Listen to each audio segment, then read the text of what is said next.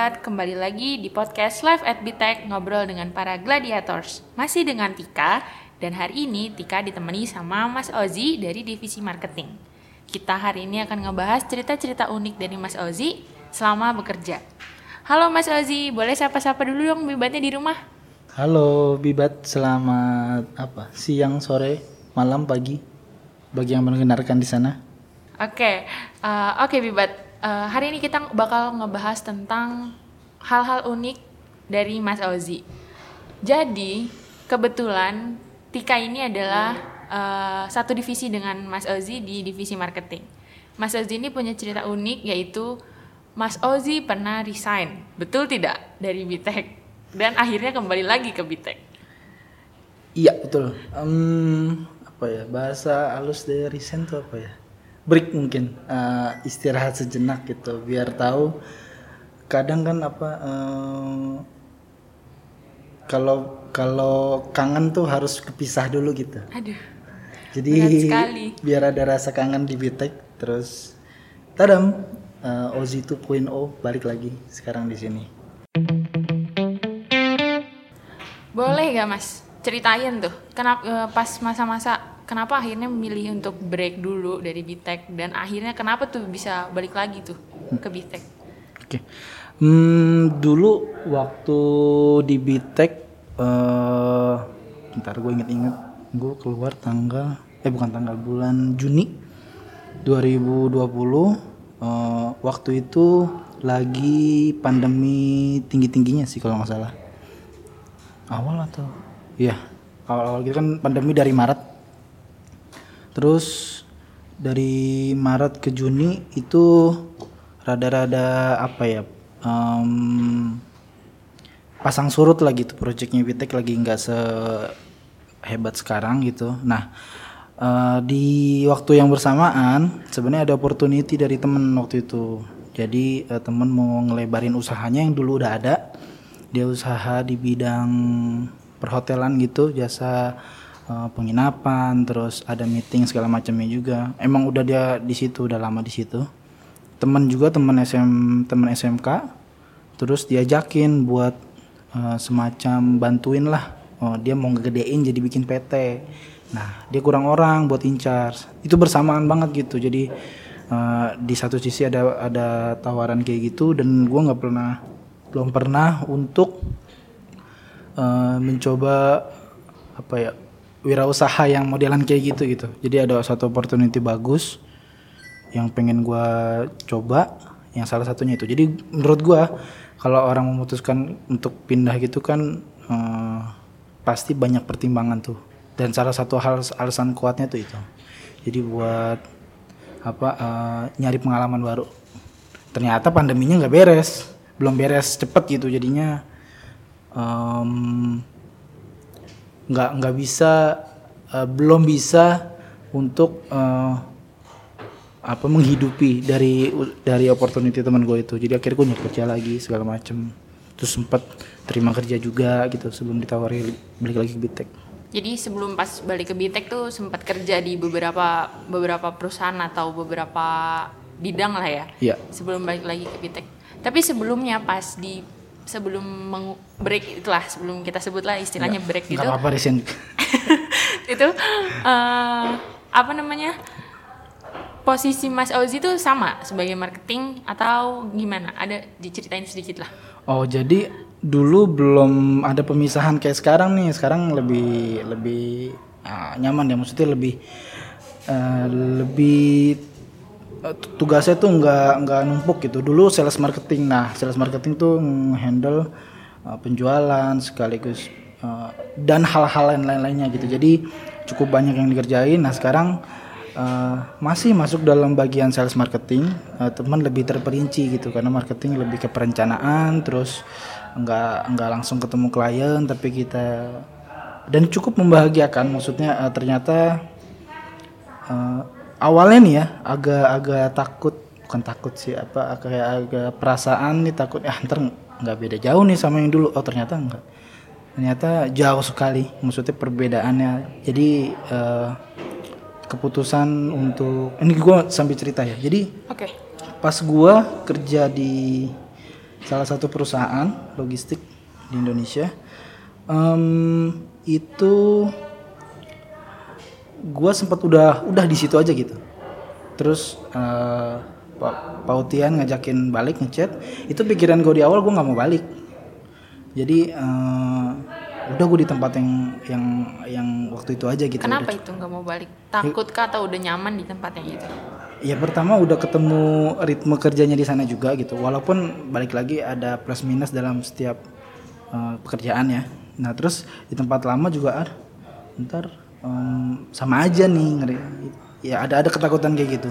Sama aja nih kayak yang dulu dulu gitu. Tapi ternyata eh sebelum ke ternyata istri gua yang ngomong sebetulnya jadinya coba dipertimbangkan dulu gitu dia ngasih poin plus kan gua biasanya gitu ya kalau mau mutusin sesuatu yang uh, krusial bikin plus minusnya dulu biasanya gitu jadi plusnya di sana tuh apa minusnya di sana apa terus plusnya di sini tuh minusnya di sini tuh apa jadi gue sebenarnya dalam hati pas Pautia nawarin itu udah enggak lah maksudnya nggak usah balik lagi maksudnya nggak ada nggak ada pentingan apa apa ya terus istri gua mencoba merayu Dirayu istri? Iya. Gitu akhirnya eh oh yaudah gue coba balik lagi. Dan ternyata pilihannya menurut gua alhamdulillah tepat gitu. Jadi mungkin kalau gua di di tempat yang lama nggak nggak akan nggak akan ngerasa sefeel ini gitu di di Bitek yang sekarang. Emang ngerasa sefeel apa di Bitek yang sekarang tuh Mas Ozi? eh mungkin kayak gini, eh, lebih tepatnya tuh kalau lu ngerasa kerja ketemu hari Senin, tapi lu Minggu tuh nggak ngerasa galau. Nah itu kayaknya lu udah mulai menemukan eh, kenyamanan gitu. Jadi kerja tuh nggak jadi beban. Ya ada tas-tas yang harus dikerjain gitu. Cuman nggak nggak nggak jadi beban pikiran gitu. Itu yang yang yang gue dapat juga di Bitek sih. Maksudnya yang sekarang tuh eh, itu jadi gua nggak nggak ada apa sih istilahnya gitu-gitu kayak hari Minggu tuh Kayak orang hari Minggu mau siap-siap bangun hari Senin tuh orang udah takut duluan. ya Udah pusing duluan. ya karena ada ada ada yang ngomong tuh sebenarnya lu bukan benci hari Senin tapi lu benci pekerjaannya gitu. Jadi eh, ya coba lu cari pekerjaan yang memang menurut lu nyaman terus ya kayak gitu. Dan ternyata marketing nih eh, yang nggak yang gua nggak sangka gue ternyata nyaman gitu. Nyaman dalam artian tuh gua eh, merasa tuh nggak nggak kayak ya kerja tapi nggak kerja banget gitu. Maksudnya gimana? Ya gitu loh. Kerja kerja banget. Iya, Kita ngapain Mas Ozi? jadi kerjanya tuh ya gitulah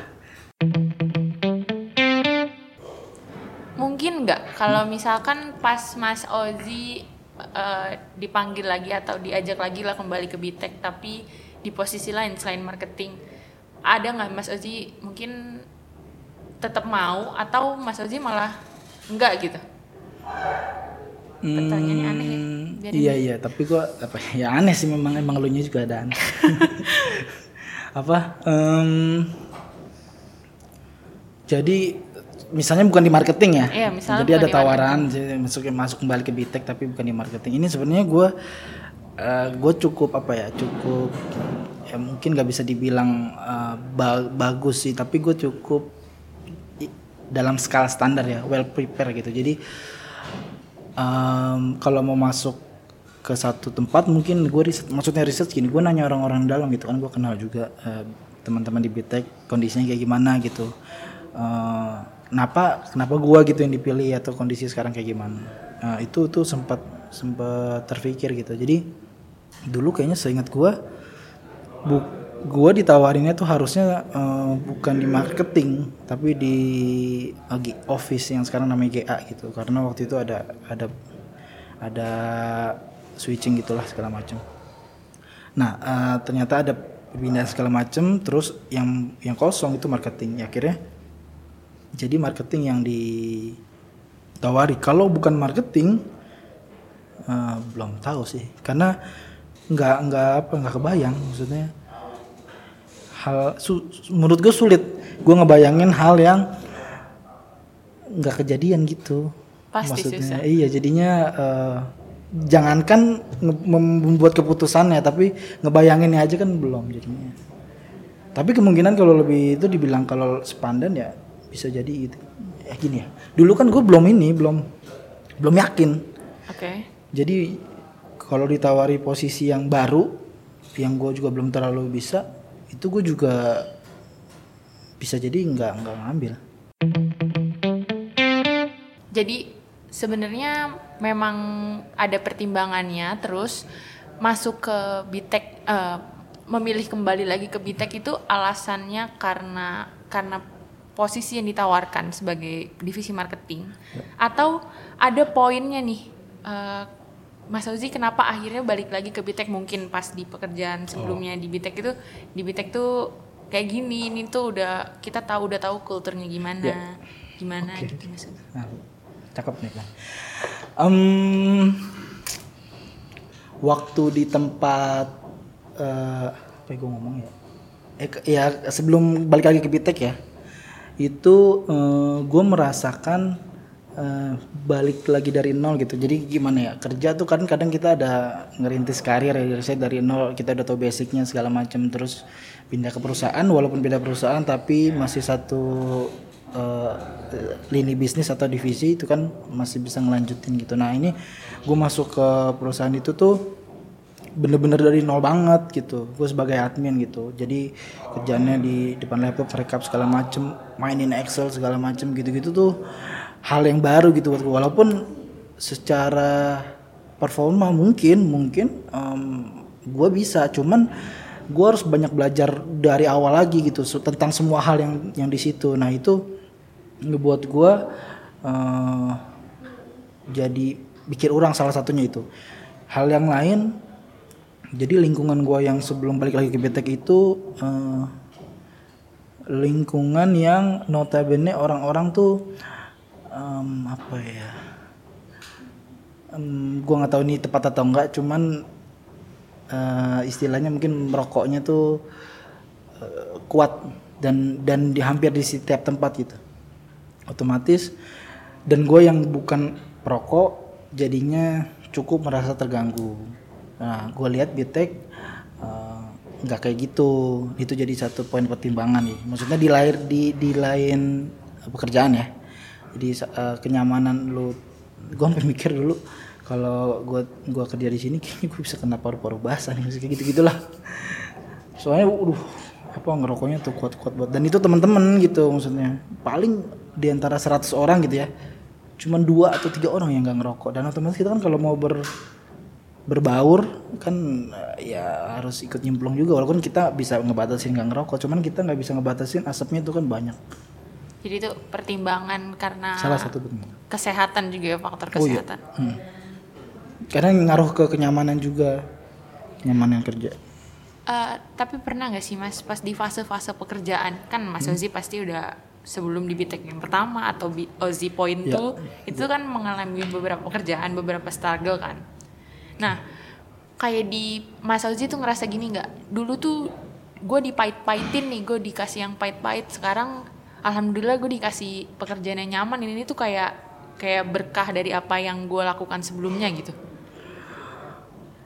Em, begitu banget sih nggak. Jadi gini, kalau gue menganggapnya setiap tindak tanduk gue itu pasti nggak ada yang kebetulan gitu. Pasti udah masuk dalam eh, rencana Allah lah gitu ya. Nah, dari hal itu gue juga berpendapat atau ngambil prinsip tuh eh, nggak semua maksudnya apa ya gue gua belum tentu kan kalau tadi lo bilang eh, kayak dulu gue susah-susah banget sekarang udah lebih membaikkan gitu ya Ya misal merasakan seperti itu nggak kayak kesel atau misalkan di pekerjaan merasa frustasi atau gimana karena kerjanya banyak atau. Iya apa ya tepat nggak tepat. Maksudnya gini gua gua coba jabarin dikit-dikit. Jadi agak panjang nggak apa-apa ya. Gak apa-apa. Hmm, ada orang-orang yang dia tuh eh, baru lulus mungkin SMK atau SMA tapi udah dapet satu pekerjaan yang eh, baik. Dari baiknya macam-macam ya. Maksudnya dari segi perusahaannya baik eh, dari segi salary-nya baik keuangannya jadinya baik gitu dan dia beruntung gitu. Dan bisa jadi itu juga bukan karena keberuntungan bisa jadi karena uh, hasil kepintaran dia juga dia berusaha segala macam gitu. Tapi gue yang melewati uh, ya gue bisa nganggap ya maksudnya uh, setiap orang beda-beda. Tapi gue bisa nganggap uh, cukup dari nol gitu. Karena gue hmm, dari yang kasarnya apa ya nyikatin uh, kamar mandi maksudnya apa ya? nyikatin kloset jadi dari yang kayak gitu. Dan gue tipikal yang ya kalau mau kerja memang harus berproses gitu. Jadi nggak bisa main langsung uh, ya ada sebagian yang punya mungkin uh, keberuntungan mungkin dia juga kerja keras di satu bidang yang lain. Tapi gue tipikal yang lu tuh dari bawah dulu gitu. Jadi jangan jangan manja gitu.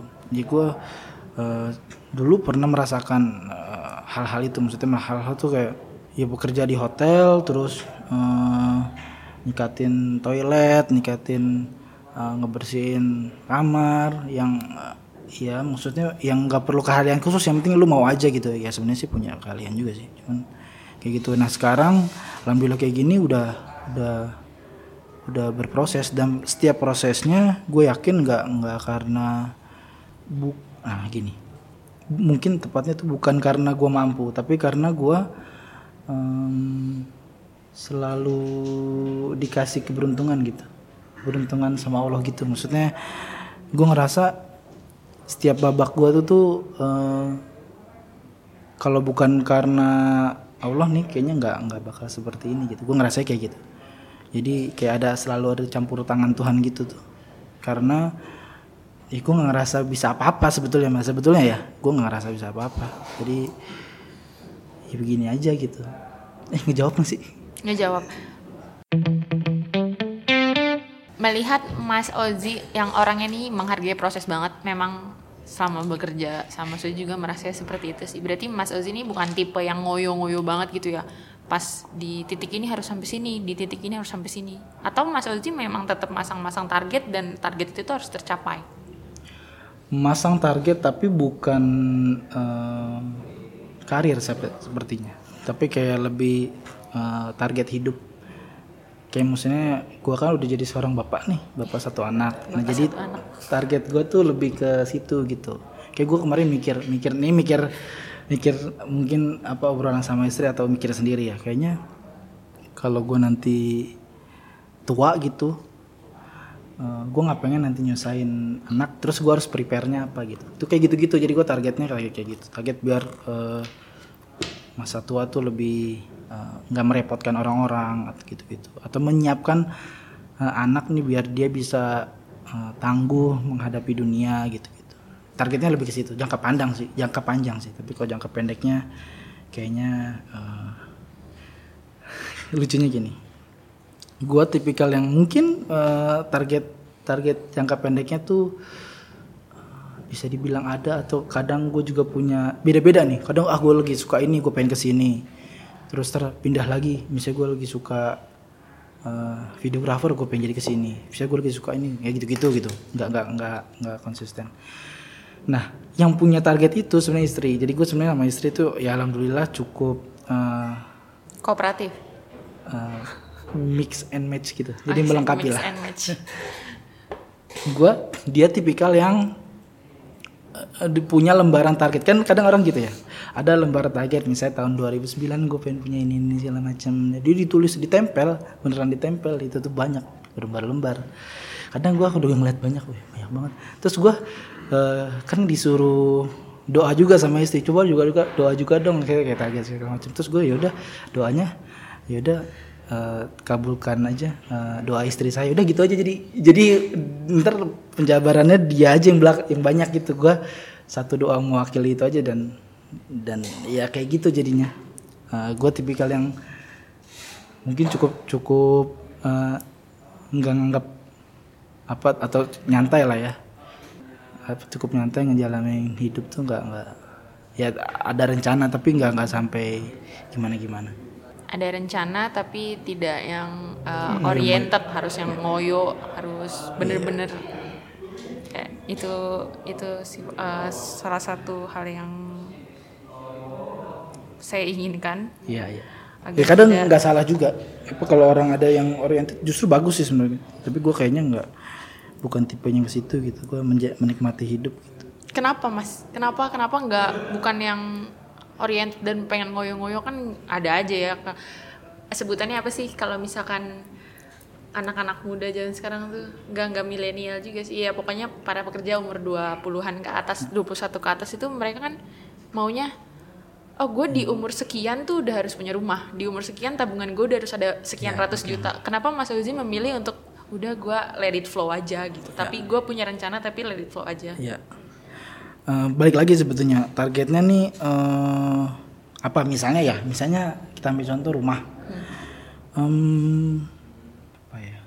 Dibilangnya tuh ya bahkan sampai ke rumah. Maksudnya gini biasanya orang-orang berkeluarga eh, itu perencanaannya pasti punya rumah.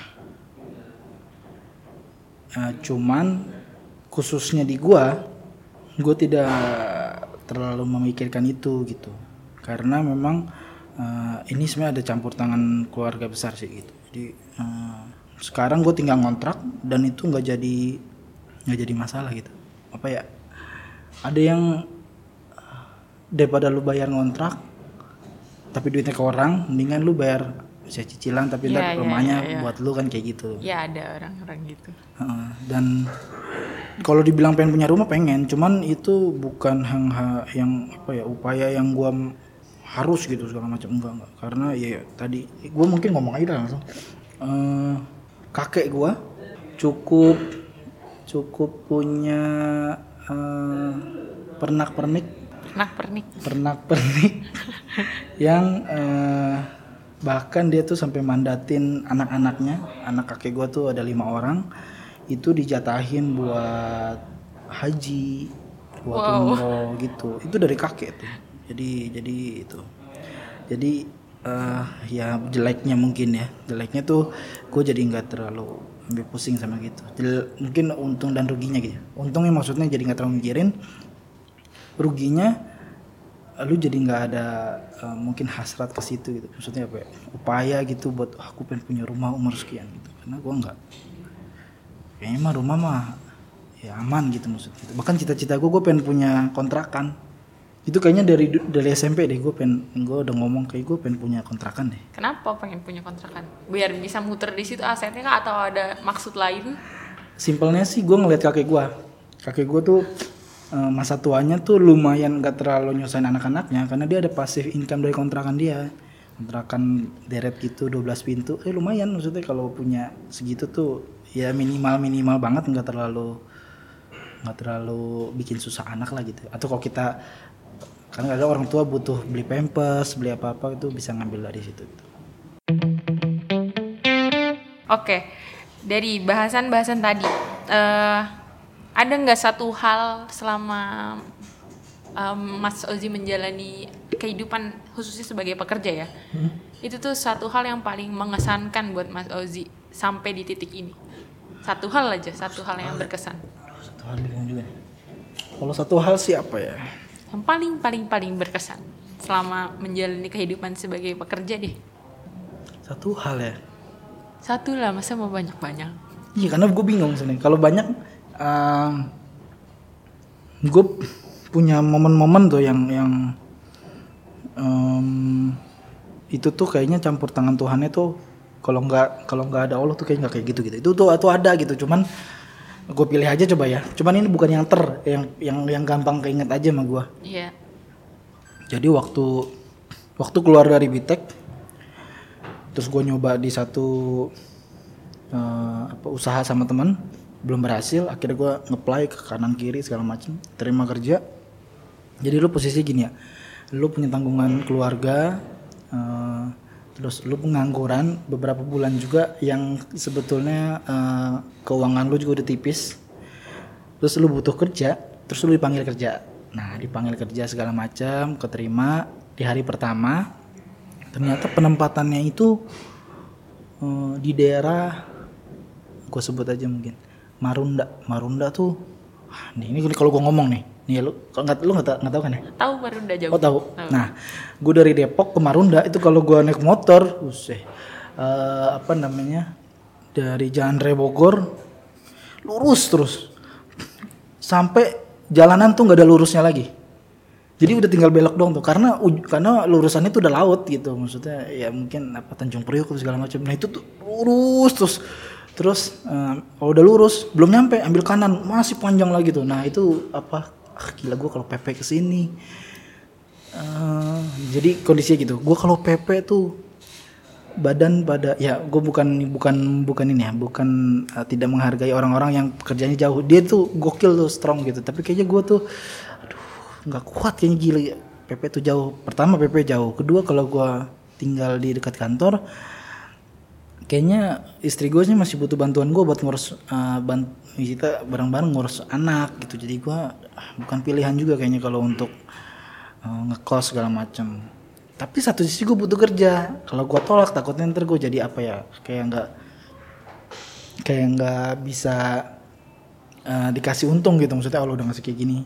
Nah di hari gue kerja pertama itu uh, ditempatin gue di Marunda.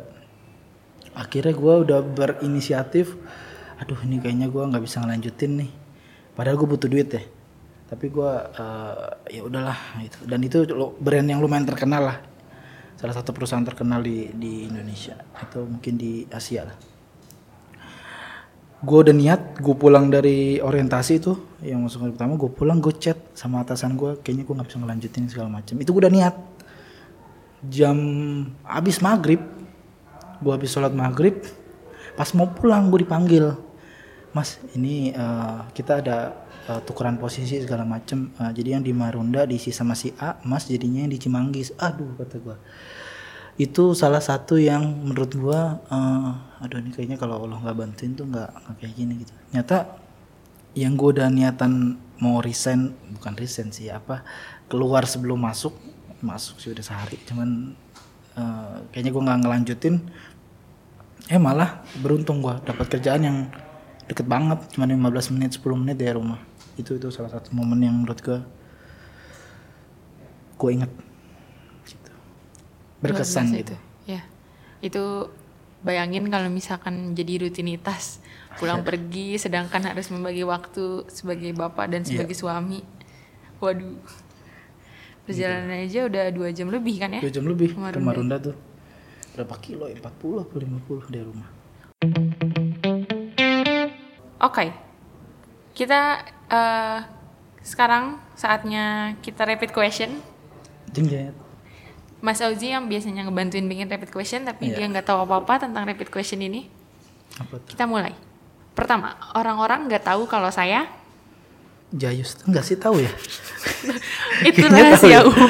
Kayaknya tahu ya enggak lah Semua orang tahu Mas Auzi Jayus. iya semua orang tahu gue nggak ini ini boleh mikirin sih Enggak dong, kan repeat question cepet ya jawabnya. udah lanjut Ah, Ih, Jayus ya itu ya. Orang-orang bibat semua harus tahu kalau Bapak admin yang satu ini Jayus.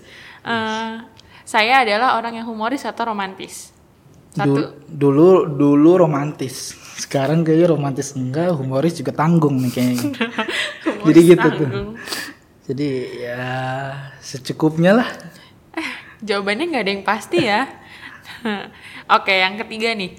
Kalau bisa punya kekuatan super, saya ingin jadi ini apa yang Will Smith tuh filmnya apa ya? Hancock apa ya? Pokoknya yang bisa terbang tinggi gitu. Kenapa mau terbang tinggi? kayaknya seru aja. Gue pernah mimpi terbang tinggi tuh kayaknya uh sampai jatuh dari kasur tuh kayak aduh, seru aja gitu. Terbang bukan terbang ya tapi loncat itu loncat tapi tinggi gitu. Kekuatan super. Atau ya itu kan versi superhero nya Avenger ke kekuatan super pengen uh, hapus korupsi di Indonesia iya Ya, biar ada pesan moral dikit nih baiklah. Jeh, mau ingin menghapus korupsi di Indonesia ini topik yang ini ya. Oke, ini ini udah benar-benar terakhir karena kayaknya obrolan kita panjang ya hari ini, Mas Ozi. Padahal kita udah biasa ngobrol. iya Nih Mas, untuk para pejuang pekerja di sana, pejuang pejuang rupiah lah kita sebutnya ya biasanya. Eh, dari apa yang udah Mas Ozi lalui sampai di titik ini, ada nggak yang eh, menurut Mas Ozi, eh ada yang Mas Ozi mau sampaikan untuk ya semangat lah buat mereka atau gimana untuk para bibat dan untuk para mungkin gladiators teman-teman kita yang lagi galau, boleh disampaikan Mas Ozi? Aduh, sebenarnya nggak nggak nggak capable-nya buat nyampein ini. Cuman kalau dipinta ya udah. Apa ya? Uh, gue nggak punya quotes quotes segala macem ya. Jadi eh, bukan quotes lah jadi jatuhnya. Iya kalau punya quote sudah masuk di kutip. Iya. Apa eh apa ya?